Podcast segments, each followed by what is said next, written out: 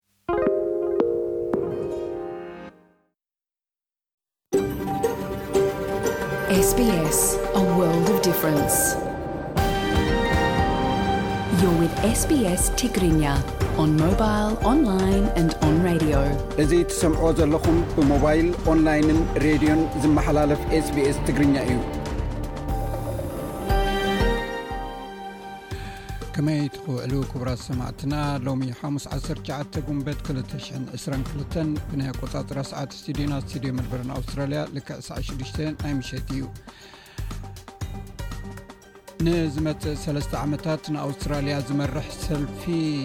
ፖለቲካ ወይ ጥምረት ሰልፍታት ንምውሳን ህዝቢ በቢከባቢኡ ኣብ ፓርላማ ፌደራል ዝውክልዎ ሕፅያት ዝመርፀሉ ናይ መወዳእታ መዓልታት በፂሕና ኣለና ቀዳም ዕስራን ሓደን ጉንበት ነቲ ምርጫ እናተኸታተልና ውፅኢት ምርጫ ቀዳም ምሸት ብቐጥታ ክንመሓላልፈልኩም ምኳና ኣቀዲምና ንሕብር ወቀዳም ካብ ሰዓት ሸተ ክሳብ ፍርቂ ለይቲ ቀጥታ ውፅኢት ምርጫ ክንመሓላልፍ ስለዝኾና ኣብ ፌስቡክ ትዊተር ከምኡውን ኣብ መርበብ ሓበሬታና ስbs ኮም ኤዩ ስላሽ ትግርኛ ተኸታተሉና ኢኹም ባር ናብ ናይ ሎሚ መደባትና ከፋልጠኩም ልኡኹና ዝለኣኾም ፀብፃባት ኣርእስታት ዝስዕብ እዩ ካብ ግንባራት መኸተ ዝነቐለት ሽግ ናፅነት ኤርትራ ኣብ ሰፈር ልምዓት ድሙቕ ኣቀባብላ ከም ዝተገብረላ ተሓቢሩ ኢትዮጵያ ንውዕል ኣልጀርስ ቀፃሊ ረብሓታት ንኸውሕስ ትፍትሾ ከም ዘላ ሚኒስተር ጉዳያት ወፃኢ ኢትዮጵያ ደመቀ መኮነን ተዛሪቡ ንዝሓለፉ ክልተ መዓልትታት ካብ ገዝኡ ምስ ወፀ ዘይተመልሰ ብርጋዴር ጀነራል ተፈራማሞ ኣብ ባህርዳር ከም ተኣስረ ተፈሊጡ ኣብ ሰሙናዊ ምንባር ኣብ ኣውስትራልያ ናይ ካልኣይ ደረጃ ቤት ትምህርቲ ምምራፅ ዝብል ኣርእስቲ ዝሓዘ ክኸውን እዩ ብዛዕባ ምርጫ ኣውስትራልያ ዝተሓሓዝ ንሰልፊ ሓምላይ ወይ ግሪንስ ዘፋልጥ መደብ እውን ኣሎና ቃለ መሕትት ብምኽንያት እዚ ዝቀራረብ ዘሎ በዓል ናፅነት ኤርትራ ንተጋዳላይ ዮሃንስ ፀጋይ ብዛዕባ መጋድልቱ ዝነበረን ኣብ ዝቅነ ዝዓረፈ ጀላል ያሲን ኣዛሪብና ኣለና ነዚ መደብ ክትከታተሉ ዝዕድመኩም ኣዳላውን ኣቕራበ ንዚ መደብ ብየነ ሰመረ ሕጂ ብቐጥታ ናብ ዕለታዊ ዜና ክሕልፈኩም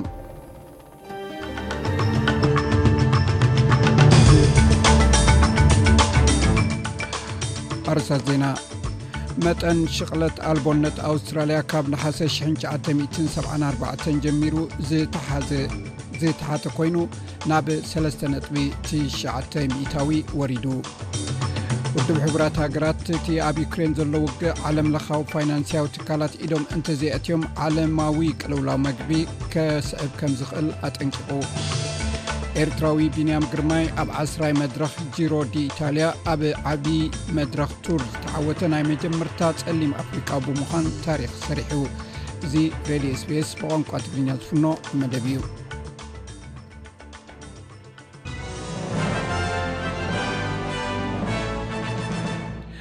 ኣርእስታት ዜና ይኹም ክሰሙ ፀኒሕኩም ክብራ ሰማዕትና ዝርዝራቱ ይስዕብ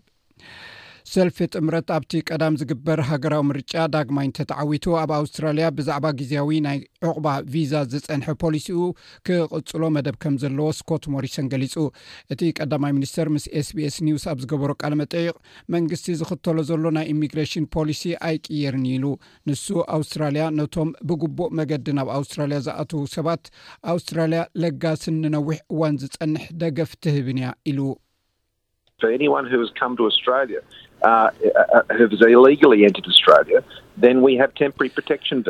ናብ ኣውስትራልያ ንዝመፀ እሞ ብዙሕ ሕጋዊ መገዲ ናብ ኣውስትራልያ ዘይኣተወ ናይ ግዜያዊ ናይ ሓለዋ ቪዛታት ወይ ናይ ዑቕባ ቪዛ ኣለና እዚ ንኩሉ ግዜ ናይ ኣውስትራልያ ፖሊሲ ኮይኑ ዝቕፅል እዩ ብዛዕባ እዚ ንፁር እዩ ከምኡ ውን ዕውት ዝኾነ ናይ ኢሚግሬሽን ፕሮግራማት ንኩሉ um, ብዛዕባ ናብ ኣውስትራልያ uh, ምምፃእ ዝምልከት um, ኣዝዩ ንፁር ዝኾነ ሕጊ ክህሉ ይግባእ እንተኾነ እቲ ብዛዕባ ናይ ዶብን ናይ ስደተኛታትን ሰብኣዊ ፕሮግራምና ሓደ ካብቶም ኣብ ዓለም ለጋስ ዝኾኑ ሓደ እዩ ሕጂ ንኣብነት ንኣስታት 7500 ዩክሬናውያን ስደተኛታት ቪዛ ሂብና ኣለና ሰልፊ ለበር ነቲ ናይ ምርጫ ውፅኢታቱ ኣፍሊጡ ምስ ናይ ሰልፊ ጥምረት ወፃኢታት ክወዳደር ከሎ ናይ 7 ነጥ4 ቢልዮን ዶላር ተወሳኺ ወፃኢታት ኣርእዩ እቲ ወፃኢታት ንመውዓል ህፃናት ንዓበይቲ ክንክን ከምኡውን ንቴፍን ዩኒቨርሲቲን ዝኸውን ተወሳኺ ናይ ትምህርቲ ቦታታት ዘጠቓልል እዩ። ሰልፊ ለበር እዚ ወጻኢታት እዚ ኣብ ቁጠባ ኣፍራይነት ከም ዘዕቢ ይገልጽ፣ እንተኾነ እቲ ሰልፊ ተቓዋሚ ነቲ ዕስራ ቢልዮን ዶላር ኣብ ናይ ጆብ ኪፐር ዝተኸፍለ ከም ዘይመልሶ ኣረጋጊጹ ኣሎ። እዚ ገንዘብ ኣብ ግዜ ለበዳ ነተን ዓቢ መኽሰብ ዘለወን ኩባንያታት ዝተኸፍለ ገንዘብ እዩ። ለበድ። ለበር ብተወሳኺ ልዕሊ ዓሰርተ ትሽዓተ ሽሕ ስደተኛታት ብግዜያዊ ናይ ዑቕባ ቪዛ ናብ ቀዋሚ ቪዛ ንምምጻእ ገንዘብ መዲቡ ኣሎ። እዚ ኣብ ዝሓለፈ ወርሒ ኣብቲ ጎስጓሱ ዝኣተዎ መብጽዓ እዩ። ካብ ሰልፊ ተቓዋሚ ካቲ ካላጋር ነዞም ስደተኛታት እዚኣቶም ሓድሽ ናይ ቪዛ ምደባ ከም እተዳለወሎም እውን ትገልጽ። ኣብ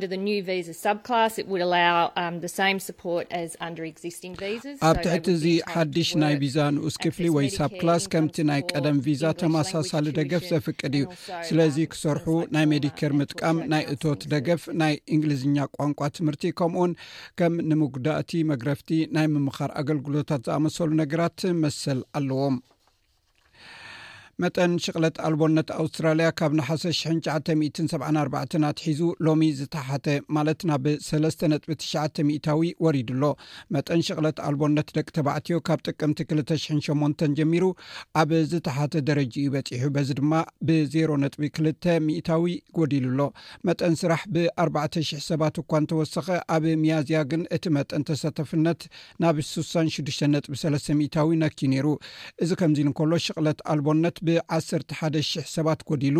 እዚ ኣብ ወርሒ ሚያዝያ መጠን ሽቕለት ኣልቦነት ብመጠኑ ምጉዳሉ ዘመልክት እዩ። መራሒት ሰልፊ ዋን ኔሽን ፖሊን ሃንሰን ኣብዚ ናይ ምሮፂ ንጎስጓስ ሓደ መዓልቲ ተሪፍዎ ኣብ ዘሎ ብኮሮና ቫይረስ ተለኺፋ። እዚ ማለት እታ ሴኔተር ኣብቲ ቀዳም ዝግበር ምርጫ ፈደራል ኣብ ዝካየድ እዋን ተዓጽያ እያ ከተሕልፎ። ሚስ ሃንሰን ከም ዘይተኸትበት ኣረጋጊጻ እያ። ናይ ውልቂ ኣባል ፓርላማ ኣንድሪ ዊልኪ እውን ብኮቪድ ዓሰርተ ትሽዓተ ብምልካፉ ዝነበሮ ናይ ጎስጓስ መደባት ክስርዞ ተገዲዱ ኣሎ። ነቲ ኣብ ማርዮፖል ዝርከብ ትካል ሓፂን ክከላኸሉ ዝፀንሑ ዝበዝሑ ኣብቲ ኩናት ዝተወግኡ ካብቲ ቦታ ከም ዝገዓዙ ሓደ ዩክሬናዊ ወተሃደራዊ ኣዛዚ ገሊፁ እቲ ኣብታ ከተማ ዝተገብረ ኲናት ምልክት መኸተን ስቓይን ምዃኑ ናይ ዓለም ኣቓልቦ ስሒቡ ዝጸንሐ ጉዳይ እዩ። ኣብቲ ክልተ ሽሕ ዝኣኽሉ ኣብ ሓደ እዋን ከዕቁብ ዝይኽእል እዩ ተባሂሉ ዝእመነሉ ኣብ ውሽጢ ትካል ዝክሪ ዝርከብ ዕርድታት ክሳዕ ክንደይ ዝኣኽሉ ተዋጋእቲ ከም ዘለዉ ብንጹር ኣይተፈልጠን። ኣዛዚ ኣሃዱ ኤዞፕ ክሬዝ ሬጅመንት ኦሌግ ሱፐርካ ብዛዕ ብዙሕ ሓበሬታ ከም ዘይብሉ እኳ እተገለጸ ዝኸፍአ ጉድኣት ዝወረዶም ሰራዊት ግን ካብ ዝወፁ ከም ዝወፁ ኣረጋጊጹ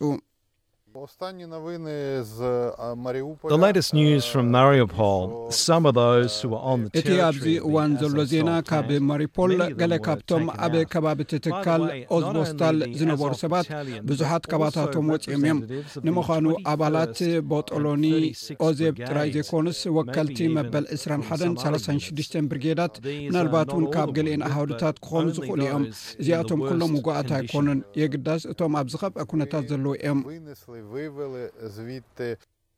ሩስያ ብወገና ኣብ ውሽጢ እቲ ትካል ሓፂን ኣትዮም ዝነበሩ ኣስታት ሓደ ሽሕ ዩክሬናውያን ተዋጋእቲ ኢዶም ከም ዝሃቡ ገሊፃላ ገለ ካብኦም ናብቲ ብሞስኮ ዝድገፉ ተነፀልቲ ዝቆፃፅርዎ ዞባ ተወሲዶም ኣለው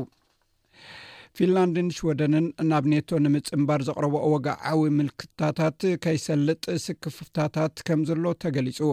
ኣመሓዳሪ ኣካል ሰሜን ኣትላንቲክ ካውንስል ወይ ኔቶ ካብ ቱርኪ ተቃውሞ ስለ ዝተላዕለ እቲ እተመደበ መስርሕ ምፅምባር ብቁልጡፍ ክጅመር ኣይተኻእለን ፕረዚደንት ቱርኪ ረሲብ ጠይብ ኦርዶዋን ሽወደንን ፊንላንድን ነቶም ኣብ ሶርያ ዓስኪሮም ዘለዉ ኣባላት ኩርዲስታን ፒከይ ኣባላት ኣሃዱ ምክልኻል ኩርዳውያን ዋይፒጂ ዝኾኑ ሚሊሽያታት ስለ ዝድግፍኦም እዘን ሃገራት ንግብረ ሽበራውያን ደገፍቲ ከም ዝኾና ከሲሱ እዩ እንተኾነ ናይ ኣሜሪካ ናይ ፀጥታ ኣማኻሪ ጃክ ሱሊቫን ኔቶ ነቲ ናይ ቱርኪ ተቃውሞታት ከወግድ ከም ዝኽእል ይተኣማመን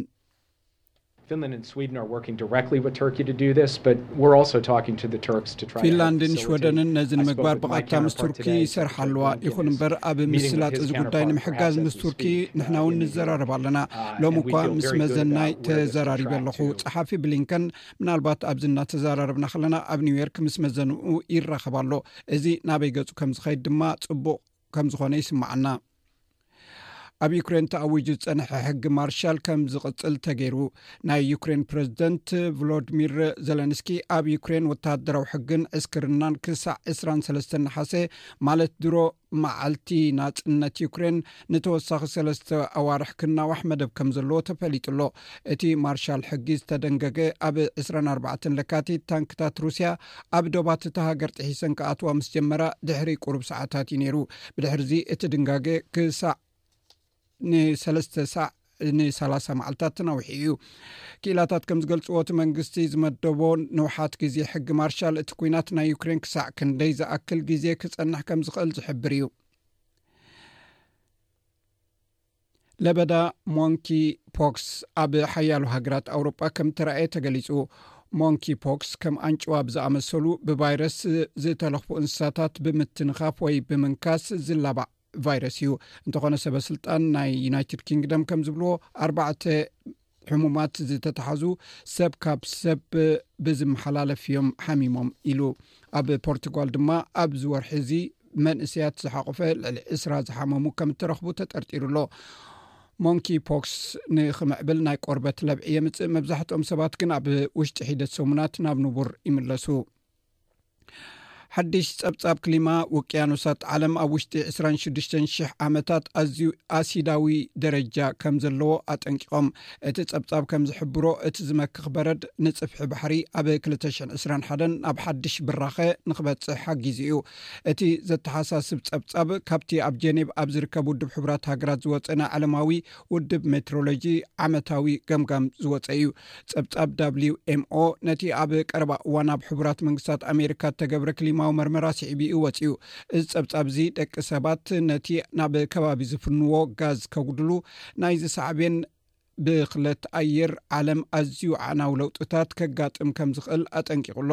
ዋና ጸሓፊ ውድብ ሕቡራት ሃገራት ኣንቶንዮ ጉተረዝ ዓለም ስጉምቲ ንክትወስድ ግዜ ይወስድ ይውሰድ ከም ዘሎ ገሊጹ።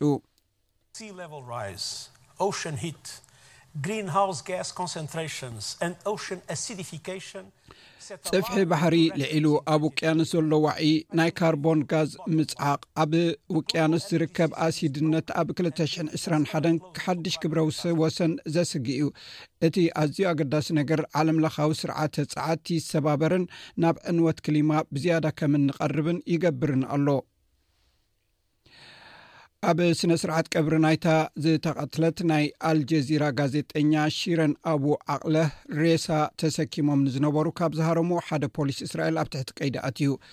ዋብ ቃል ፖሊስ ኣእምሮ ኣቡ ክዳር ከም እተኣስረ እኳ እንተረጋገፀ ምስቲ ናይ ዓርቢ ስነ ስርዓት ቀብሪ ርክብ ከም ዘይብሉ እዩ ገሊፁ እቲ ፖሊስ ዝተኣስረሉ ምክንያት እውን ኣይ ሓበን ናይ ኣቡ ካልድራን ጠበቃ ካልዱን ኒጂም ከም ዝብሎ ዓሚሉ ብሶኒ ኣብ ትሕቲ ቀይዲ ምእታዎም ይገልፅ ይኹን እምበር እቲ ክስታት ኣይተገልፀሉን ውድብ ሕቡራት ሃገራት ኣሜሪካ ኣብ ልዕሊ ኢራን ዘንበረቶ እገዳ ከተልዕሎ ፀዊዑ እዚ ስጉምቲ እዚ ንቁጠባ እታ ሃገር ኣዝዩ ፀልዎ ንሰብኣዊ ኩነታት እታ ሃገር ድማ ኣጋዲድዎ ከም ዘሎ ገሊፁ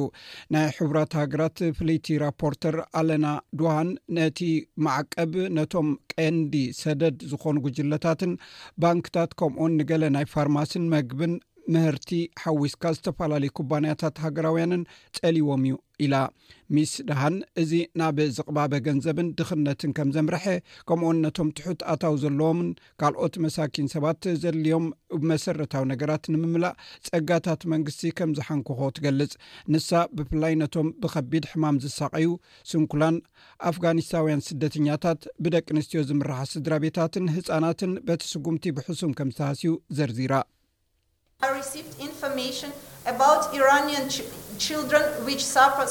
ብዛዕባ ዝሳቐዩ ኢራናውያን ህጻናት ብኢፒደርሞሊሲስ ቦሎሲስ ተባሂሉ ዝፍለጥ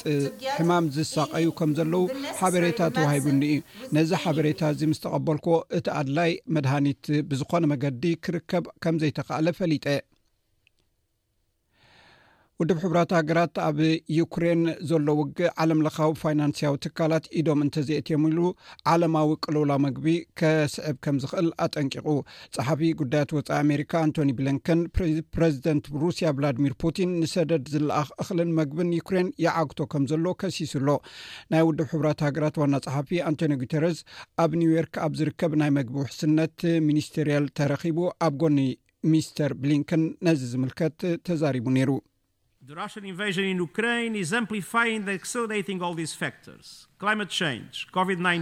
ወራር ሩስያ ኣብ ዩክሬን ንዅሉ እዚ ረቋሒታት ዘጕልሕን ዘቀላጥፍን እዩ፣ እዚ ድማ ምልውዋጥ ክሊማ፣ ኮቪድ ዓሰርተ ትሽዓተን ዘይማዕርነትን ብዓሰርተታት ሚልዮናት ዝቝጸሩ ሰባት ኣብ ጥርዚ ናይ ዘይውሕስነት መግቢ ከም ዝበጽሑ ዘግብር እዩ። ስዒቡ ድማ ጉድለት ኣመጋግባ ጅምላዊ ጥሜትን ንዓመታት ክፀንሕ ዝኽእል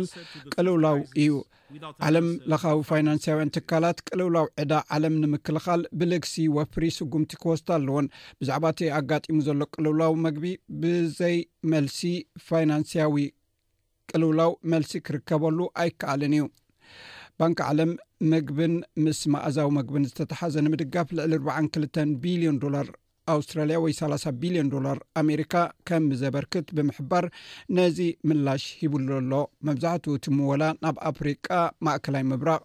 ምብራቕ ኣፍሪቃ ማእከላይ ኤሽያን ደቡብ ኤሽያን ክኸይድ እዩ እዚ ከባቢታት እዚ እቲ ዝኸፍ ኣቅልላው ዘለዎ ቦታታት እዩ ኣብ ስፖርት ኤርትራዊ ቢንያም ግርማይ ኣብ ዓስራይ መድረኽ ጂሮ ዲኢታልያ ኣብ ዓብዪ መድረኽ ቱር ዝተዓወተ ናይ መጀመርታ ፀሊም ኣፍሪቃዊ ብምዃን ታሪኽ ሰሪሑ። እቲ ወዲ ዕስራን ክልተን ዓመት ተቐዳዳማይ ኣብ ወርሒ መጋቢት ኣብ ናይ ቤልጂዩም ኮብልድ ክላሲክ ኣብ ዝተገብረ ቅድድም ቀዳማይ ብምውፃእ ናይ መጀመርታ ፀሊም ኣፍሪቃዊ ብምዃን እውን ታሪኽ ሰሪሑ ነይሩ። ቢንያም ንጉጅልኡ ብምድናቕ እቲ ጉጅለ ነቲ ውድድር ብፅቡቕ ከምዝጀመሮ በቲ ታሪኻዊ ውፅኢት ድማ ሕጉስ ምዃኑ ገሊፁ። ብንያም ግርማይ ኣብ ናይ ዓወት ፖድየም ሻምፓኝ ክኸፍት እቲ መኽደኒ ነጢሩ ናይ ዓይኒ መጉዳእቲ ስለ ዝገጠሞ ኣብቲ ውድድር ናይ መድረኽ ዓሰርተ ሓደ ከም ዘይሳተፍ ኣፍሊጡ ኣሎ ኣብ ፋይናንስ ሓደ ናይ ኣውስትራልያ ዶላር ሰ ሳንቲም ናይ ኣሜሪካ ዶላር ሓደ ናይ ኣውስትራልያ ዶላር ሱሳን ሸውዓተ ኒሮ ሓደ ናይ ኣውስትራልያ ዶላር ሓምሳን ሸዓተ ብሪትሽ ፓውንድ ከምኡውን ሓደ ናይ ኣውስትራልያ ዶላር ሰላሳን ሽዱሽተ ነጥቢ ዓሰርተ ሰለስተ ናይ ኢትዮጵያ ብር ይሽረፍ ኣሎ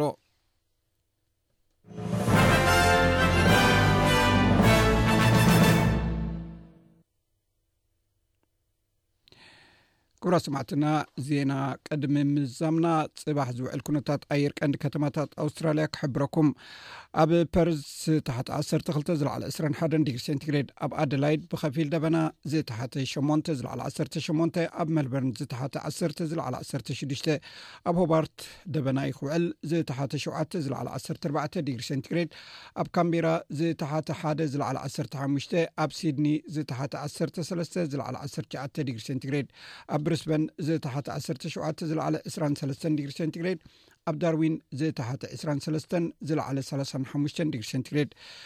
ዜና ወዲና ኣለና ምስ ዝተረፉ ትሕዝቶታት መደብና ምሳና ከተምስኡ ደጊሚ ዕድመኩም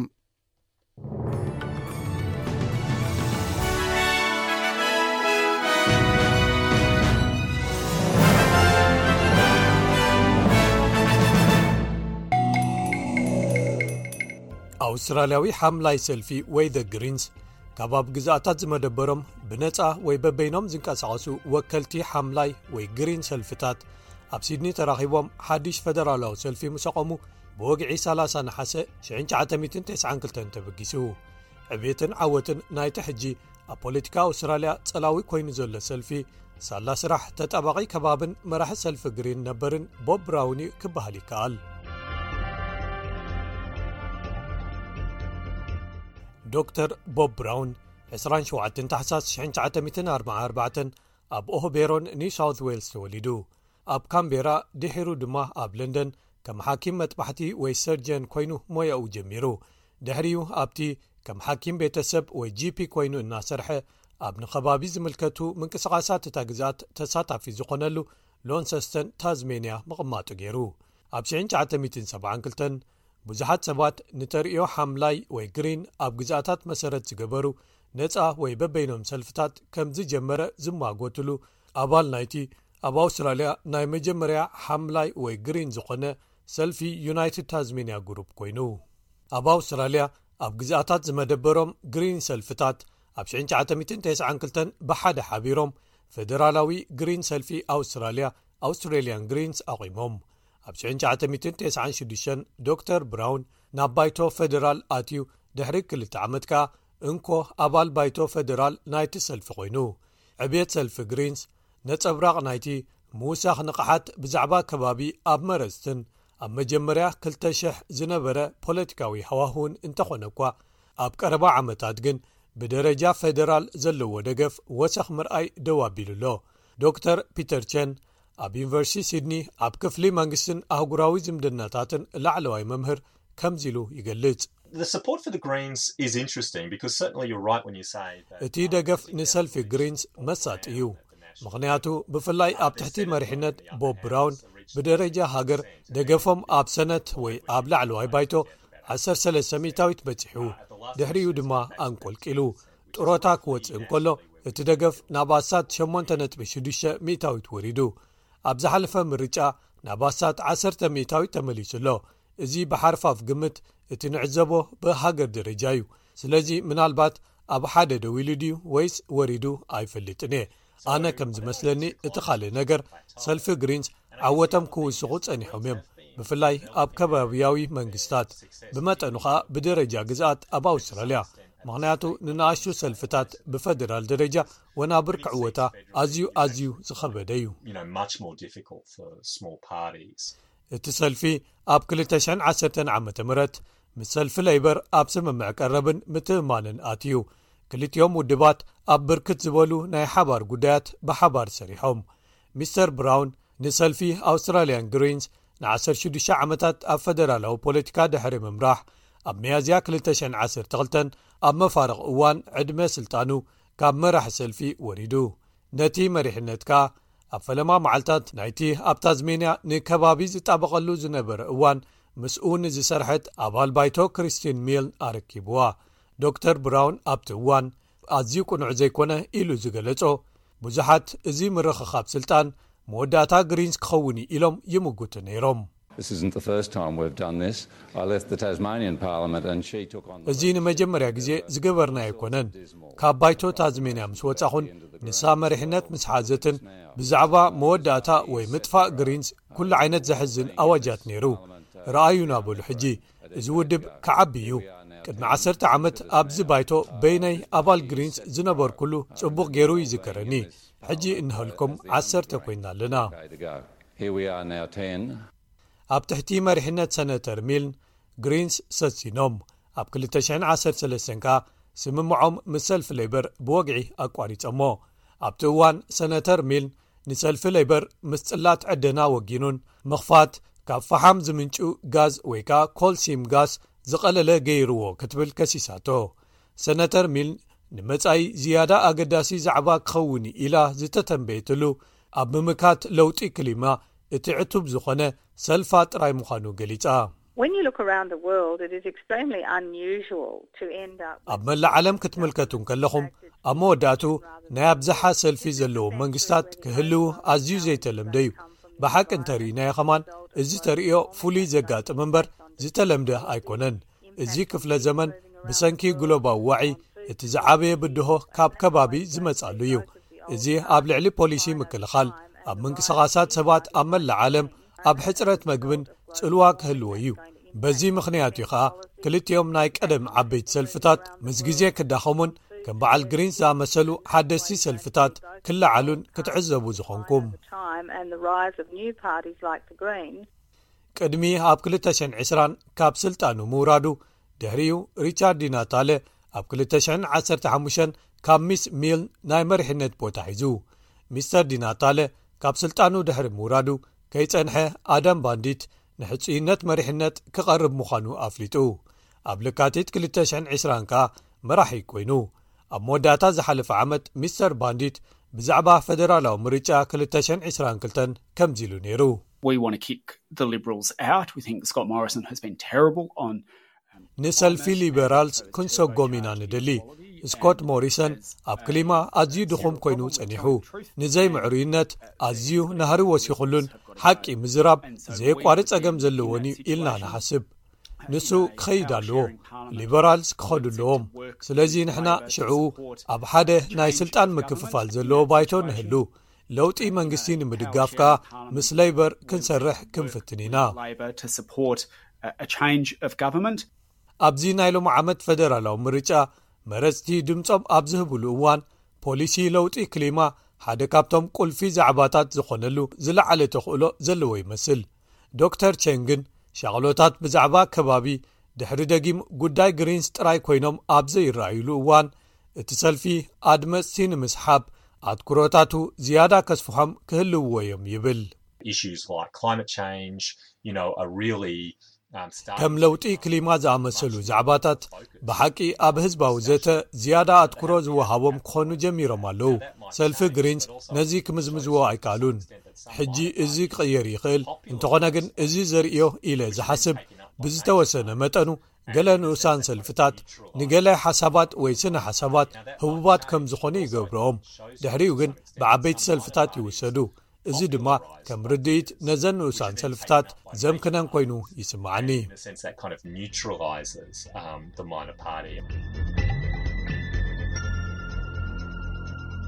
ኩብራ ስማዕትና ከም ዝፍለጥ ፅባሕ ቀዳም 2ስራሓደ ጉንበት ኩሉ ኣውስትራልያዊ ማለት ካብ 1ሰ8 ልዕሊኡን ድምፁ ክህብ እዩ ንሰለስተ ዓመት ዘመሓድርዎ ወይ ዝመርሕዎ መራሕቲ ድማ ክመርፅ እዩ በዚ ምክንያት ኢና ብዛዕባ ዝተፈላለዩ ሰልፍታት ከነቅርብ ፀኒሕና ማለት እዩ ካብዚ ቀፂሉ ዝቀርብ ፀብፃብ ብልኡክና እዩ ብቐጥታ ናብኡ ከስግረኩም ሰላም ጥዕና ይሃበልና ክቡራት ተኸታተልቲ ስፔስ ትግርኛ ፀብፃባት ናይ ዝዕለት ንምቕራብ ኣርእስታቶም ከነቐድም ካብ ግንባራት መኸተ ዝነቐለ ሽግ ናጽነት ኤርትራ ኣብ ሰፈር ልምዓት ድሙቕ ኣቀባብላ ከም ዝተገብረላ ተሓቢሩ። ኢትዮጵያ ንውዕሊ ኣልጀርስ ቀጻሊ ረብሓታታ ንከውሕስ ትፍትሾ ከም ዘላ ምክትል ቀዳማይ ሚኒስትርን ሚኒስትሪ ጉዳይ ወጻእን እታ ሃገር ደመቀ መኮነን ተዛሪቦም። ኤርትራ ኣብቲ ውዕሊ ዝርከብ ብይን ዶብ ብዘይ ቅድመ ኩነት ክትግበር ክትሓትት ዝጸንሐት ምዃና ዝፍለጥ'ዩ። ኤርትራ ክሳብ ሕጂ ንህዝባ ክታበት ኮሮናቫይረስ ምሃብ ብዘይምጅማራ ከምዝተሻቐለ ውድብ ጥዕና ዓለም ኣፍሊጡ። ንዝሓለፉ ክልተ መዓልታት ካብ ገዝኡ ምስ ወጸ ዘይተመልሰ ብርጋዴር ጀነራል ተፈራ ማሞ ኣብ ባህርዳር ከምዝተኣስረ ተሓቢሩ። ኣርስታት ዜና ክትከታተሉ ጸኒሖም ክቡራት ሰማዕቲ፣ ናብ ዝርዝራቶም ክንሓልፍ። ካብ ግንባር መኸተ ዝነቐለ ሽግ ናጽነት ኤርትራ ኣብ ሰፈር ልምዓት ድሙቕ ኣቀባብላ ከምዝተገብረላ ተሓቢሩ። ኣብ ሓሙሽተ ንኡስ ዞባታት ደቡብ ዑደት ንምግባር ብ ዓሰርተ ሽዱሽተ ግንቦት ካብቲ ዛዛሚ ኲናት ዝተኻየደሉ ግንባር ደቀምሓረ ዝተበገሰት ሽግ ናጽነት ኣብ ዲጋ፣ ምስላም፣ ንኡስ ዞባ ድባርዋ ድሙቕ ኣቀባብላ ተገይሩላ። ኣመሓዳሪ ንኡስ ዞባ ድባርዋ ኣቶ ፍረወንጌል ተክለሃይማኖት ብናይ ክብሪ ሰልፊ ነታ ሽግ ካብ ኢድ ኣመሓዳሪ ንኡስ ዞባ ደቀምሓረ ኣቶ የማነ ኣበራ ድሕሪ ምርካቦም ኣብ ዘሰምዕዎ ዘረባ ሽግ ናጽነት ትምህርቲ ጽንዓትን ንያትን ምልክት ምትኽኻእ ወለዶታትን ናይ መኸተ ንያታን ምዃና ከም ዝተዛረበ እውን ተገሊጹ ኣሎ። ኣብ ዞባ ደቡብ ንያትና ናጻ ሕርያና ብዝብል ቴማ ዝበዓል መበል ሰላሳን ሓደን ዓመት ጽምብል ናጽነት ኤርትራ ካብቲ ዛዛሚ ኲናት ሓርነት ዝተኻየደሉ ግንባር ደቂ መሓረብ ዝተበገሰት ሽግ ናጽነት ብውዕውዕ መንፈስ ከም ዝተፈለመ ማዕኸናት ዜና ኤርትራ ይሕብራ ኣለዋ። ምውላዕን ዑደትን ሽግ ናጽነት ኤርትራ ብደረጃ ሃገር ንፈለማ እዋን ኣብ ክልተ ሽሕን ዓሰርተ ሽዱሽተን ዓመተ ምህረት ከም ዝተጀመረ ዝፍለጥ እዩ። ኢትዮጵያ ንውዕሊ ኣልጀርስ ቀጻሊ ረብሓታታ ንከውሕስ ትፍትሾ ከም ዘላ ምክትል ቀዳማይ ሚኒስትርን ሚኒስትሪ ጉዳይ ወጻኢ ነታ ሃገር ደመቀ መኮነን ተዛሪቦም። ኣቶ ደመቀ መኮነን ቤት ምኽር'ታ ሃገር ኣብ ዘቅረብዎ ሪፖርት፣ ጭብጥታት ስምምዕ ኣልጀርስ ናብ ዝምልከቶም ኣካላት ቀሪቡ ክረኣ፣ ትሕዝቶታቱ እናተፈተሸ ብዝተኽኣለ መጠን ሃገራዊ ረብሓታት ዝሕሉ ክኸውን ቀጻሊ ክፍጸሙ ምስ ዝሕሰቡ ኣካይዳታት ብዝገጥም መልክዑ ክጸድቕ ይስራሕ ከምዘሎ ገሊጾም ኣለዉ። ኤርትራ ኣብቲ ውዕሊ ዝርከብ ብይን ዶብ ብዘይቅድመ ኩነት ክትግበር ክትሓተሉ ዝጸንሐት ምዃና ዝፍለጥ'ዩ። ውዕሊ ኣልጀርስ ድሕሪ እቲ ኣብ ወርሒ ጎንበ ትሽሕን ትሽዓተ ሚእትን ቴስዓን ዓመተ ምህረት ግእዝተወልዐ ኲናት ኢትዮጵያን ኤርትራን ስዒቡ ድሕሪ ክልተ ዓመታት ብሽሕን ትሽዓተ ሚእትን ቴስዓን ክልተን ዓመተ ምህረት ግእዝ ኣብ ርእሰ ከተማ ኣልጀርያ ኣልጀርስ ዝተኸተመ ሰላም ክልቲኤን ሃገራት ናብ ንቡር ንምምላስ ዝብል ትሕዝቶ ዝነበረ ውዕሊ ምዃኑ ይፍለጥ። ኣብቲ ውዕሊ ዝርከብ ናይ መወዳእታን ቀያድን ዝብል ስምምዕ ምሕንጻጽ ዶብ ኣብ ኣፈጻጽምኡ መንግስታት ኢትዮጵያን ኤርትራን ክስማዕምዑ ብዘይምኽኣሎምን ንሓድሕዶም ብምክሳሶምን ክሳብ'ቲ ቅድሚ ኣርባዕተ ዓመታት ኣብ ኢትዮጵያ ዝመጸ ለውጢ ከይተፈትሐ ከም ዝጸንሐ ዝዝከር'ዩ። ድሕሪ'ቲ ለውጢ ምስ መንግስቲ ኤርትራ ኣብ ጥቡቕ ምሕዝነት ዝጸንሐ መንግስቲ ኢትዮጵያ ቅድሚ ዓመትን መንፈቕን ምስ ኤርትራ ኮይኑ ኣንጻር ትግራይ ኲናት ድሕሪ ምክያዱ ሕጂ ውዕል ኣርጀስ ንረብሓታቱ ብዝጥዕም መገዲ ከፈጽም ይሰርሕ ከም ዘሎ እዩ ዝገልጽ ዘሎ። ኣቶ ደመቀ መኮንን ጉዳይ ኢትዮጵያን ኤርትራን ሕጋዊ መልክዕ ሒዙ ዝምድና ክልቲኣን ሃገራት ጠንኪሩ ከም ዝቕጽል እውን ኣብቲ ጸብጻብ ሓቢሮም ኣለዉ። ኤርትራ ክሳብ ሕጂ ንህዝባ ክታበት ኮሮና ቫይረስ ምሃብ ብዘይምጅማራ ከም ዝተሻቐለ ውድብ ጥዕና ዓለም ኣፍሊጡ። እቲ ትካል ኣብ ዝሃቦ መግለጺ ኣብ ብዙሓት ሃገራት ምርመራን ዝርግሐን እቲ ቫይረስ ንምቁፅፃር ዝውሰዱ ስጉምትታት ብምንካዮም ቁፅሪ መልከፍቲ ከም ብሓዱሽ ይውስክ ከምዘሎ ሓቢሩ። ኣብዚ ቀረባ ግዜ ሰሜን ኮርያ ፈላማይ መልከፍቲ ኮሮናቫይረስ ከምዝረኸበት ገሊፃ ኣላ። ኣብታ ሃገር ካብ ዝሓለፈ ወርሒ ሚያዝያ ኣትሒዙ ልዕሊ ሓደ ነጥቢ ኣርባዕተ ሚልየን ሰባት ብኮቪድ ዓሰርተ ትሽዓተ ተለኺፎም ክኾኑ ከምዝኽእሉ እዩ ጥርጣረታት ዝወፁ ዘሎ። ህዝቢ እታ ሃገር ክሳብ ሕጂ ክታብት ኮሮናቫይረስ ዘይወሰደ ብምዃኑን ብዙሓት ሕዱር ሕማም ዘለዎም ሰባት ብምህላዎምን ንዝኸፍእ ሕማምን ሞትን ከይቃልዑ ከም ዝሰግእ ውድብ ጥዕና ዓለም ኣፍሊጡ ኣሎ። ብተወሳኺ ኩነታት ናይታ ንህዝባ ክታበት ምሃብ ዘይጀመረት ሃገረ ኤርትራ እውን የሻቕለና ክብል ኣብ መግለጺኡ ጠቒሱ ኣሎ። ኤርትራ ንህዝባ ክታበት ኮሮናቫይረስ ምሃብ ዘጀመረት እንኮ ኣፍሪካዊት ሃገር ምዃና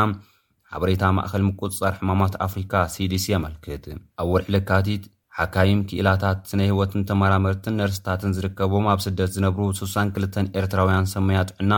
ዓለማዊ ውድብ ጥዕና ካብ ኮቫኪስ ተባሂሉ ዝጽዋዕ ዓለማዊ ፕሮግራም ንኤርትራ ብህጹጽ ናይ ኮቪድ ዓሰርተ ትሽዓተ ክታበት ክምድብ ክታሞም ብምንባር ናብቲ ውድብ ጥዕና ዓለም መጸዋዕታ ኣቕሪቦም ነይሮም። እንተኾነ ኤርትራ ኣብቲ ዓለምለኻዊ ምትሕብባር ኮቫክስ ዘይተጸንበረት እንኮ ኣፍሪካዊት ሃገር ብምዃና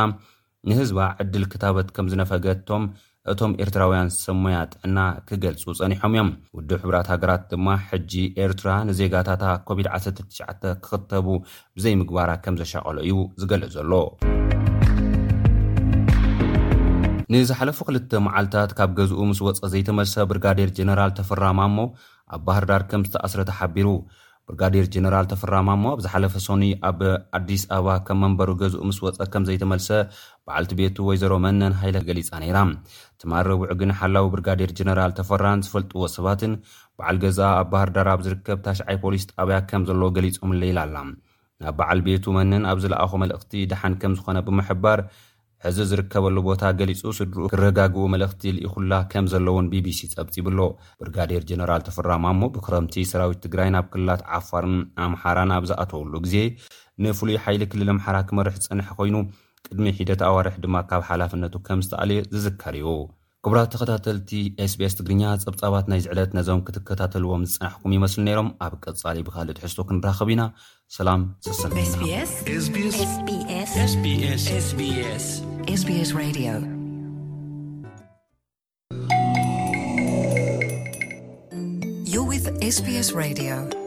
ሰማዕትና ሰማዕቲ ሬድዮ ስቤስ ከም ዝፍለጥ ኣብዚ ቅነ ማለት ዕለት 24 ጉንበት ኤርትራ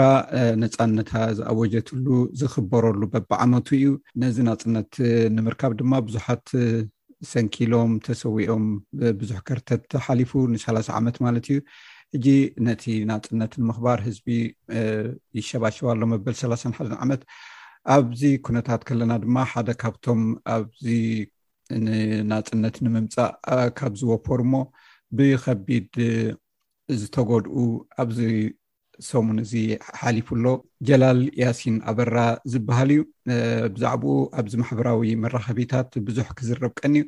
ኣነ ኳ ብብዝሒ ዝፈልጦ ብዙሕ ናይ ሰነዳት ብፍላይ ስእልታት ናይ ቀደም ዘይርከቡ ኣብ ምዝርጋሕ ኣብ ማሕበራዊ መራኸቢታት ብዙሕ ንከታተሉ ኢና ቅድሚ ሕጂ እውን ሓንቲ ብዛዕባ ናይ ኣስመራ ታሪክ ምስ ካልኦት ብፀቱ ምስ በዓል ዶክተር መሓመድ ኬር ዝፀሓፋ ነይራ ብዛዕባ እውን ዕላል ጌርና ነርና ሓሊፉ ኣሎ ብዛዕባኡ ድማ ብዙሓት ዝኽርታቶም ኣብዚ ማሕበራዊ መራኸቢታት የካፍሉ ኣለው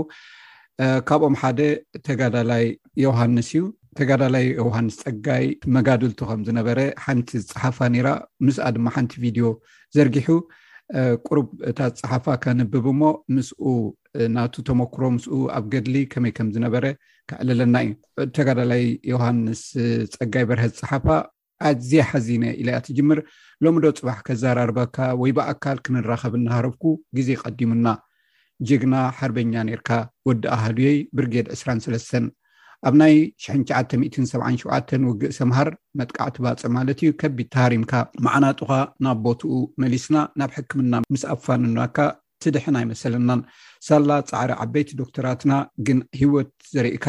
ገድልኻ ቀጺልካ ሕጂ ናይ ንእስነትና ናይ ገድሊ ሌላና ከም ኣጋር ሓኪምካ መጠን ዝኽርታተይ ብኣካል ተረኺበ ከድሕን ይትረፍ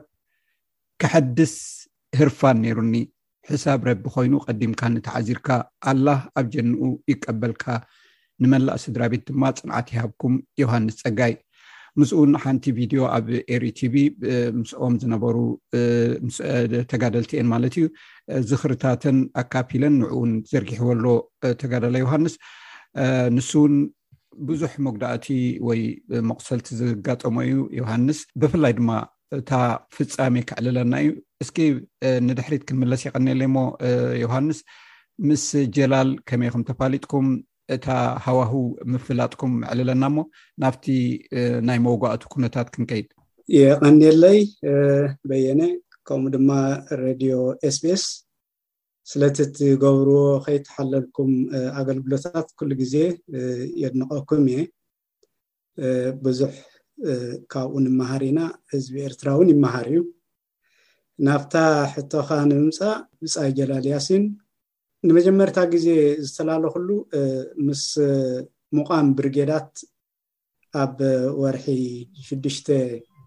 ሽሕን ትሽዓተ ሚእትን ሰብዓን ሸውዓተን መጀመርያ ናይቲ ወርሒ ማለት እዩ ሽዑኡ ኣብ ብርጌድ ዕስራን ሰለስተን ኣብ ሓደ ኣሃዱ ተመዲብና ብፍላይ ከዓ ኣብ ሓደ ጋንታ ነርና ንሱ ቅድሚ ናብ ብርጌዳት ምቋም ኣብ ሓይልታት ዝነበረ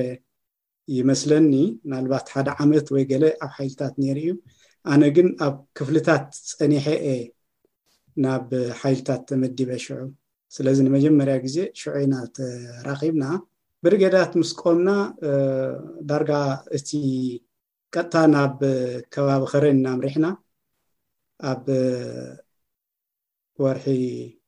ሸውዓተ ሓምለ ማለት እዩ ዕለት ሓሙሽተ ሽዱሽተ ሸውዓተ ናይቲ ወርሒ እቲ ዝነበረ ናይ ሽሕን ትሽዓተ ሚእቲ ሰብዓን ሸውዓተን ከዓኒ ኣብ መጥቃዕቲ ከረን ተሳቲፍና ብድሕሪኡ ኣብ ናይ ውግእ ሰላዕ ዳዕሮን ዓዲ ሓውሻን ብሓባር ነርና ኣብቲ ዓመትዚ ኣብ ወርሒ ትሽዓተ፣ መስከረም ማለት እዩ፣ ኸኣ ናብ ውግእ ሰምሃር ማለት መጥቃዕቲ ናይ ባጽዕ ብሓባር ተሳቲፍና ማለት እዩ። እታ ከቢድ ዝተወግኣላ ናብ ሕክምና ዝኸደላ ዛንታ ድማ ኣብኡ እያ ተፈጺማ ማለት እዩ። ሕራይ ናብኣ ቅድሚ ምኻድና ምናልባት ዶክተር መሓመድ ኬር ካብ ዝፀሓፎ ኣብ ሃድጋይ ትብል መርበብ ሓበሬትኡ ንሱ ካብ ሽሕን ትሽዓተ ሚእትን ሰብዓን ክልተን ኣትሒዙ ወዲ ዓሰርተ ሓሙሽተ ዓመት ከሎ እዩ እቲ ናይ ፖለቲካ ስምዒት ክሓድሮ ዝጀመረ ከም በዓል መስፍን ተድላ ዕቑቢት ዮሃንስ ኣፍወርቂ ምስኣቶም ኮይኑ ናብ ተሰነይ ከይዱ ናብቲ ቃልሲ ክፅምበር ግን ተኣሲሩ ተታሒዙ ማለት እዩ ድሕሪኡ ብገለ ሰባት ከም ዝወፅእ ንድሕሪ ተመሊሱ ድሕሪ እውን ካብ ሸ ሰብዓን ኣርባዕተን ኣብ ኣስመራ ኮይኑ ስርሒታት ወይ ዝናይ ዋሃዮ ስራሕታት ይሰርሕ ከም ዝነበረ ኣብቲ ዛንትኡ ተገሊፁ ኣሎ ኣብቲ እዋን እቲ ንኣሽቲ ኢኹም ነርኩም ከም ዝመስለኒ ከመይ ነይሩ ጠባዩ ምስ ሰብ ዝነበሮ ርክብ ኣብቲ ናይ ገድሊ ሃዋህው ከመይ ነይሩ ቅድሚ ናብታ ናይ መውጋእቲ ፍፃሜ ምካድና ብዘይክኡ ንሽዱሽተ ግዜ መውጋእቲ ከም ዘጋጠሞ እውን ኣብቲ ታሪክ ተገሊፁ ኣሎ እዚኣ ግን እታ ዝዓበየት ስለዝኮነ ክንዛርበላ ኢና እሞ እቲ ናይ ንእስነት ሂወትኩም ከመይ ይመስል ነይሩ ብትገድሊ እወ ፅቡቅ ኣጋጣሚ ኮይኑ ሕጂ እቲ ናይ ታሪክ ሂወት ናይ ዕድመ ክሪኦ ከለኩ ሲ ንሱ ብሓደ ዓመት እዩ ንዓይ ዝዓብየኒ ኣነ ወዲ ስሳን ሰለስተን ኣለኹ እስኻ ወዲ ስሳን ኣርባዕተን ኮይኑ ማለት እዩ ኣብቲ ግዜ እቲ ብሓፈሻ ኣዝና ንኣሽቲ ኢና ነርና ኣነ ኣብ ኣጋ መወዳእታ ሰብዓን ሓሙሽተን ክስለፍ ከለኹ ወዲ ዓሰርተ ሽዱሽተ ዓመትን ፈረቓን ገለ እዩ ነይሩ ዕድመይ ንሱ እውን ዳርጋ ኣብ ተመሳሳሊ ዕድመ እዩ ወፅኡ ብንእሽትኡ ማለት እዩ ቅድሚ ምውፅኡ እውን ሕጂ ድሒረ ክሰምዖ ከለኹ በቲ ዝነበሮ ፖለቲካዊ ንጥፈታት ተኣሲሩ ከም ዝነበረ እውን ከረጋግፅ ክኢለ ማለት እዩ ስለዚ እቲ ፖለቲካዊ ንቕሓት ናቱ ካብ ቅድም ከም ዝነበረ ክርዳእ ክእል ብዘይብኡ እውን እቲ ናይ ፋሚሊ ባክግራውንድ እንተርኢና እውን ወላዲኡ ናይ ብሓቂ ምስቲ ዝነበሮም ትምህርቲ ይኹን ካልእ ዶክተር ያሲን ኣበራ ማለት እዩ እወ እወ ንሶም እውን ክሳብ ኣብ ዩኒቨርሲቲ ኣስመራ ይምህሩ ከም ዝነበሩ ይመስለኒ ስለዚ ብሓፈሻ ካብ ገዛ ዝነቅል ናይ ትምህርቲ ይኹን ናይ ፖለቲካዊ ምንቕቓሕ ባክግራውንድ ከም ዝነበሮ ከኣ ከረጋግፅ ክኢለ ማለት እዩ ነዚ ኩሉ ደማሚርካ ኣብ ሜዳ ብጣዕሚ ውዑይ ዋዛ ዝፈቱ ዕላል ዝፈቱ ምስ ኩሉ ከዓ ብጣዕሚ ሕውስ ፍትው እዩ ነይሩ ብሕፅር ዝበለ ንዓና ኣብቲ እዋንቲ ሲ ካብቲ ክፍልታት ወፂና ኣብ ናይ ሓይልታት ኣሃዱ መጀመርያ ክንምደብ ከለና ሲ ንዓና ሮል ሞዴል ወይ ከዓ ኣብነት ነይሩ ክብል ይኽእል እየ ማለት እዩ ትዝ ትብለኒ ሕጂ ክዝክርሲ ሓንቲ ደርፊ ክደርፋ ከሎ ትዝ ትብለኒ ብልክዕ ከምፃ ኣይክእልን እየ ግን እንታይ ትብልሲ የውመተ ስካብ በዳ የውመተ ስካብ በዳ ወካላስ ጀብሀት መጻ ሀርሶ ላተሀርገሳ በቲ ትግርኛ ተተርጉምናዮሲ ሎሚ ድቃስ የለን ባቃ ጀብሀት መጺኣ እያ ሰውራ መጺኡ እዩ ማለት እዩ ስለዚ ንኩሉ ተደቂሱ ዘሎ ኣበራብሮ ዓይነት እዩ ስለዚ ኩሉ ግዜ ከምኡታት እናበለ የዘናግዕ እዚታት ናይ ብሓቂ ነቶም መዛኑ ዝኮና ንኣሽቱ ሞራል ይበና ነይሩ ኣነ ኣብቲ እዋንቲ ሓኪም እየ ነይረ ኣጋር ሓኪም ከምኡ ኮይኑ እየ ተመዲበ ኣብቲ ኣሃዱ ኣብ ኣስመራ እዩ ተወሊዶ ዓብዩ ከምቲ ዝበልካዮ እውን እቲ ድሕረ ባይታ ናይቲ ፋሚሊ እውን ዓብዪ ስድራ ቤት እዩ እንዳኣበራ ናይ ቢዝነስ ሰባት ከም ዝነበሩ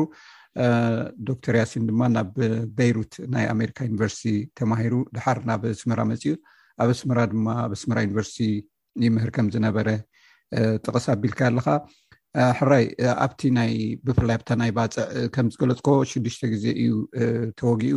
ሳግንታ ዝዓበየት ነራ ዳርጋ ኩሉ ናይ ውሽጢ ኣካሉ ከም ዝወፀ እስከ ኣብኡ ስለ ዝነበርካ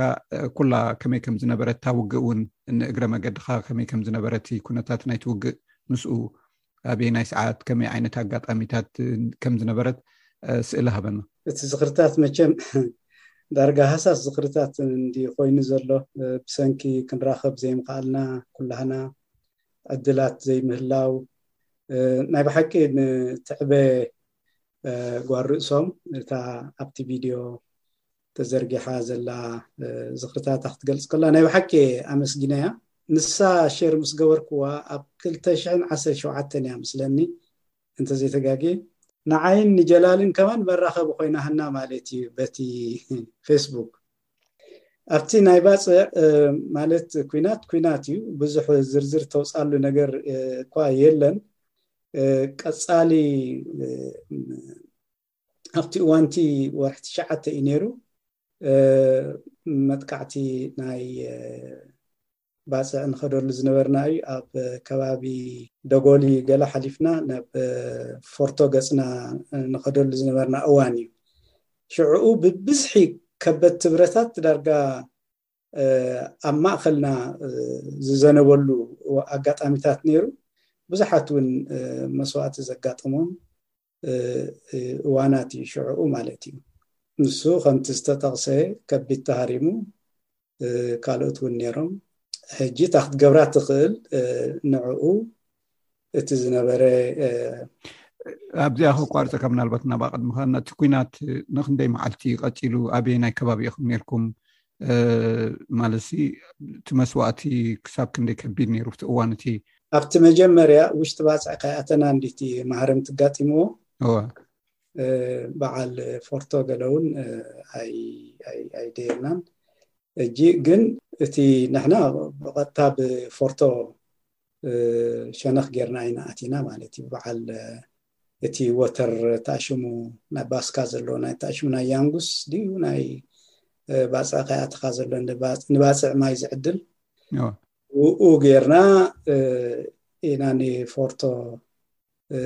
ኣቲና ብኡ ጌርና ከዓ ካብኡ ንኣጂብ ኣንቁልቂልና ማለት እዩ ብዓጂብ ጌርና ንውሽጢ ባጽዕ ኣቲና። ኣብ ውሽጢ ባጽዕ ምስ ኣተና ግን ንነዊሕ ግዜ ኣብኡ ዓሪድና፣ ቀጻሊ ደብዳባትን ገለን ዝነበረሉ ኣብቲ ናይ ሳሊና ዓሪድናሉ ዝነበርና እዋን እዩ ማለት እዩ።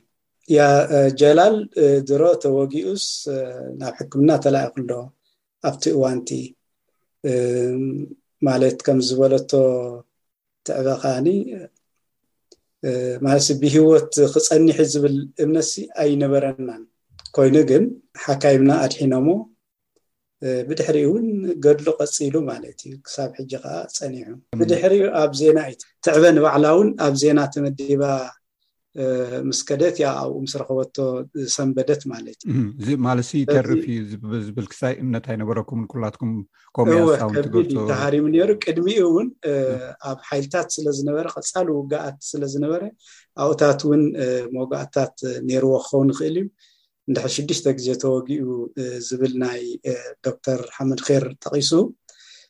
ኣብቲ ሓይልታት ቀፃሊ መወጋእቲ የጋጥሞ ነይሩ ማለት እዩ። ከምዚ ኢልኩም ኣብ ደገ ማለት ኣካልኩም ወፊኹም ንስኻ ይኹን ጀላል ያሲን ካልኦት እውን ብዙሓት ተጋደልቲ ነዚ መዓልቲ ነዚ መዓልቲ ናፅነት ኢሎም ብዙሕ መስዋእቲ ከፊሎም ንስኻ እውን ኣካልካ ከፊልካ ጀላል እውን ከምኡ ግን ኣብ ስደት ዕድሜኹም ይሓልፍ ኣሎ ኣብ ስደት እናሃለኹም ድማ ንሀለ ጀላል ኣጋጣሚ ኮይኑ ናብ ዓዱ ከይተመልሰ እዩ ኣብ ስደቱ ዓሪፉ ዘሎ እዚ ክትሓስብ ከለካ ብፍላይ ኣብዚ ቅነ እዚ ዓመት መፀ እንታይ ይስማዓካ ኣዝዩ ሕማቕ ይስምዓኒ ክንደይ ሓርበኛታት ካብ ግዜ ምጅማር ናይ ጀብሃ ጀሚሮም ኣብ ሰውራ ናይ ብሓቂ ልዕለና ዝተዓጻጸፈ ዓመታት ዘበርከቱ ዓዶም ክሪእዋ ተመሊሶም ሃረር እናበሉ ከለዉ ኣብ ስደት ክቕበሩ ናይ ብሓቂ ካብዚ ዝኸፍእ ነገር የለን ንሕና ከም ኤርትራውያን ከም ባህሊ ከም ልምዲ ኣብቲ መዳሕንትና ዝተቐብረሉ ተመሊስና ክንቅበር እዩ እቲ ባህልና ይኹን እቲ ልምድና ዝቕበሎ ማለት እዩ ከምኡ ክኸውን ዘይምኽኣሉ ናይ ብሓቂ የተሓሳስበኒ እዚ ከዓኒ ግርምቢጥ ናይቲ ህዝቢ ኤርትራን ተጋደልትን ኩላህና ዝተቓለስናሉ ማህሌት እዩ። ከምኡ ክኸውን ኣይግብኦን እዩ ነይሩ። ግን እቲ ናይ ብሓቂ ንቡር ንክመፅእ ከዓ ኩላህና ክንቃለስ ተገዲድና ኣለና። ሕራይሞ የቐኔለይ ተጋዳላይ ዮሃንስ ጸጋይ በርሀ ብምኽንያት ኣብዚ ቅነ ዝበዓል በዓል ናጽነት ብፍላይ ድማ ምምሕላፍ ናይ ጀላል ያሲን ኣብ ወፃኢ ኣመልኪትና ናቲ ተመክሮን ምስ ገድልና ተኣሳሲርና ኢና ከነዕልል ፀኒሕና የቀኒለይ ዮሃንስ ኣብ ካልእ ኣጋጣሚ ብካልእ ይራክበና ኣነ ውን የቀኒለይ በየነ ረቢሕ ኢልካ ስለዝዓደምካኒ ኣዝየ የመስግነካ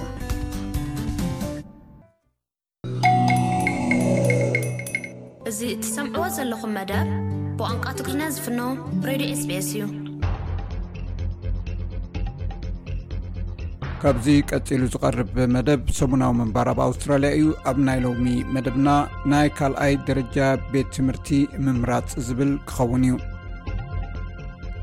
ካልኣይ ደረጃ ቤት ትምህርቲ ምምራጽ ንወለድን ደቅን ዘይተጸበይዎ ውጥረት ከስዕበሎም ይኽእል እዩ። ስድራቤታት ገለ ኣገደስቲ ዝዀኑ ነገራት ብምሕሳብ ንኵነታቶም ዝሰማምዖም እንታይ ምዃኑ ንምፍላጥ ሓበሬታ ንምርካብ ላዕልን ታሕትን ክብሉ ይኽእሉ እዮም።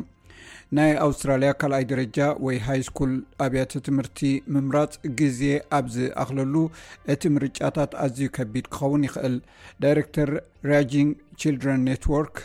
ዝዀነ ድሬክ ማኮርማክ ካልኣይ ደረጃ ቤት ትምህርቲ ምምራፅ ንስድራቤታት ኣዝዩ ውጥረት ዝፈጥር ስለምንታይ ምዃኑ የረድእ። ውጥረት ክፍጠረሉ ዝኽእለሉ ምኽንያት ብዙሕ ክሓስብሉ ዝደልዩ ነገራት ስለ ዘሎ እዩ። ንኣብነት ኣብያተ ትምህርቲ ከመይ ገይረን ምስ ግብራዊ ድሌታት እቲ ቆልዓን ስድራ ቤትን ይሳነያ፣ ኣብያተ ትምህርቲ ምስ ውልቃዊ ክብርታትን ምርጫታትን ከመይ ይሳነያ። ኣብያተ ትምህርቲ ምስ ተስፍሐን ኣብ ዙርያ ኣካዳምያዊ ትምህርቲ ከመይ ገይረን ምስ ትውላዶም ይሳነያ። ሮስ ዋይት ጀነራል ማናጀር ጉድ ኢጁኬሽን ብቐሊሉ ክትርድኦ ትኽእል ሓበሬታ ምርካብ ንርእሱ ኣጸጋሚ ክኸውን ይኽእል እዩ ትብል።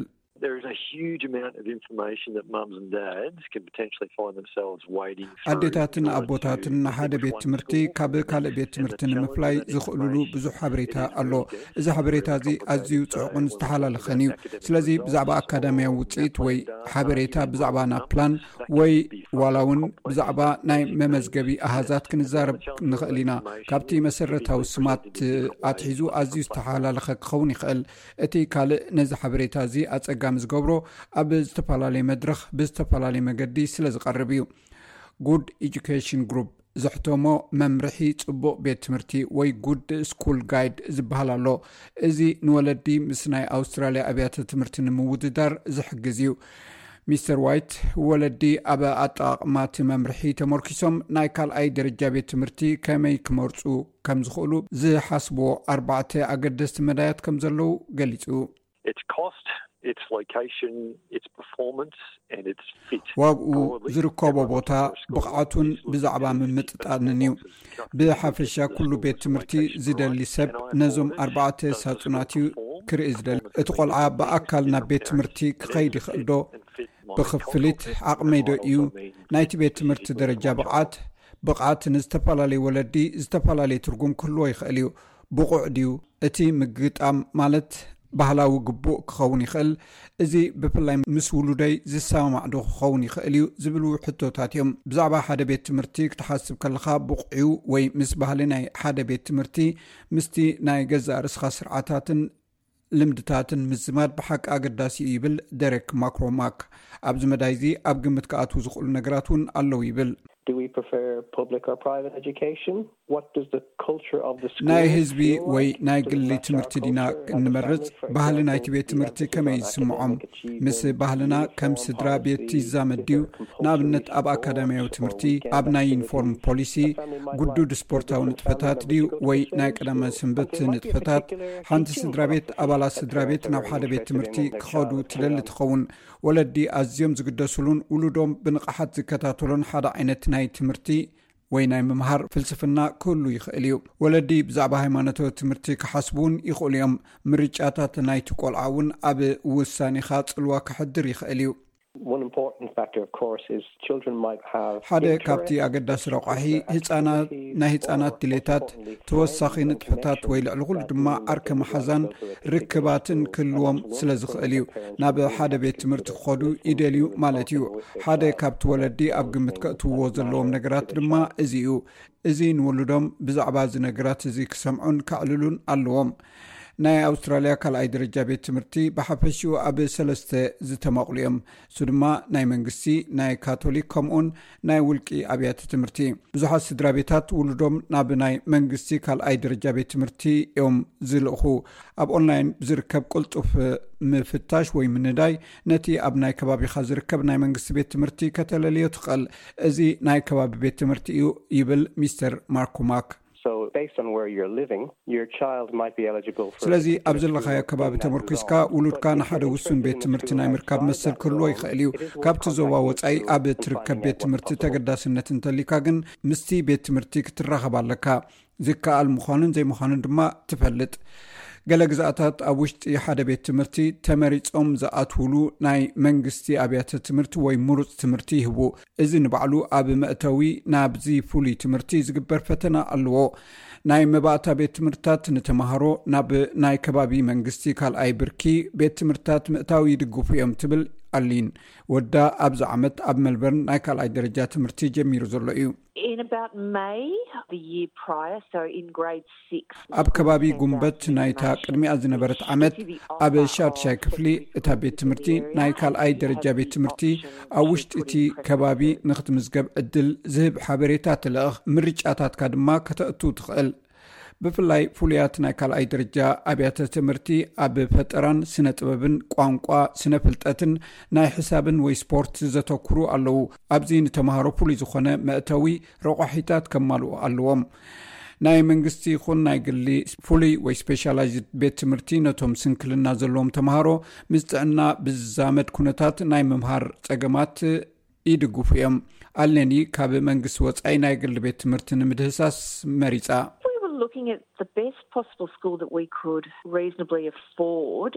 ኣብቲ ግዜ እቲ ምስቲ ሕጂ ዘለናዮ ቦታ ዝቐረበን ክንከፍሎ ዓቕምና ዝኾነን ብሉፅ ቤት ትምህርቲ ንደሊ ነርና ስለዚ ብቦታን ዓቕምኻ ብዘፍቅደልካን ነገራትን ዝሓቆፈ ምርጫ እዩ ነይሩ ኣብ ከባቢና ፅቡቅ ስም ዘለዋን ዓቕምና ዝኾነት ቤት ትምህርቲ ካቶሊክ ድማ ረኺብና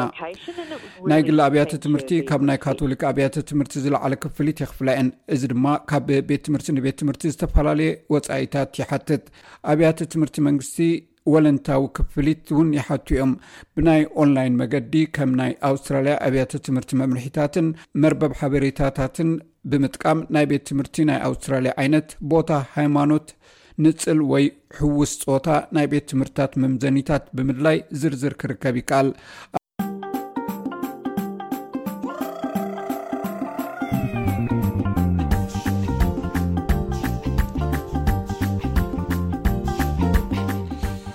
ኩብራት ሰማዕትና ኣርእስታት ዜና ናይዚ ምሸት ክደግመልኩም ቅድሚኡ ግን መተንባህት ኣለኒ ንዝመፅእ ሰለስተ ዓመታት ንኣውስትራልያ ዝመርሕ ሰልፊ ፖለቲካዊ ጥምረት ሰልፍታት ንምውሳን ህዝቢ በቢከባቢኡ ኣብ ፓርላማ ፌደራል ዝውክልዎ ሕፁያት ዝመርፀሉ ናይ መወዳእታ ማዕልታት በፂሕና ኣለና ቀዳሚ 2ስራ ሓደን ጉንበት ነቲ ምርጫ እናተኸታተልና ውፅኢት ምርጫ ቀዳም ምሸት ብቐጥታ ክንመሓላልፋልኩም ምኳና ቀዲምና ንሕብር ቀዳም ካብ ሰዓት ሸተ ክሳብ ፍርቂ ለይቲ ቀጥታ ውፅኢት ምርጫ ክንመሓላልፍ ስለዝኮና ኣብ ፌስቡክ ትዊተር ከምኡውን ኣብ መርበብ ሓበሬታ ናይ ስቢስ ኮም ዩ ትግርኛ ተኸታተሉና ናይዚ ምሸት ቀንዲ ነጥብታት ዜናና ድማ መጠን ሽቕለት ኣልቦነት ኣውስትራልያ ካብ ንሓሰ 994 ኣትሒዙ ዘተሓተ ኮይኑ ናብ 39 ሚታዊ ወሪዱ ውድብ ሕብራት ሃገራት እቲ ኣብ ዩክሬን ዘሎ ውግእ ዓለም ለኻዊ ፋይናንስያዊ ትካላት ኢዶም እተዘይሓዊሶምሉ ዓለማዊ ቅልውላ መግቢ ክብር ከስዕብ ይኽእል ምዃኑ ኣጠንቂቑ ኤርትራዊ ቢንያም ግርማይ ኣብ ዓስራይ መድረኽ ጂሮ ዲ ኢታልያ ኣብ ዓብዪ መድረኽ ቱር ዝተዓወተ ናይ መጀመርታ ጸሊም ኣፍሪቃዊ ብምዃን ታሪክ ሰሪሑ ሰማዕትና ዜና ወዲእና ኣለና ኩሉም ትሕዝቶታት እውን ወዲእና ዮም ኣለና ኣብ ዝመፅእ ሶኒ ዝተፈላለዩ ትሕዝቶታት ሒዝና ክንምለሰኩም ኢና ክሳብ ሽዑ ሰላም ቅና ዝምነየልኩም ንሳኹም ዘምሰኹ ኣዳለዊ ዝቐደም ዝመደብ ቤየነሰመረ ሰላም ምሸጥ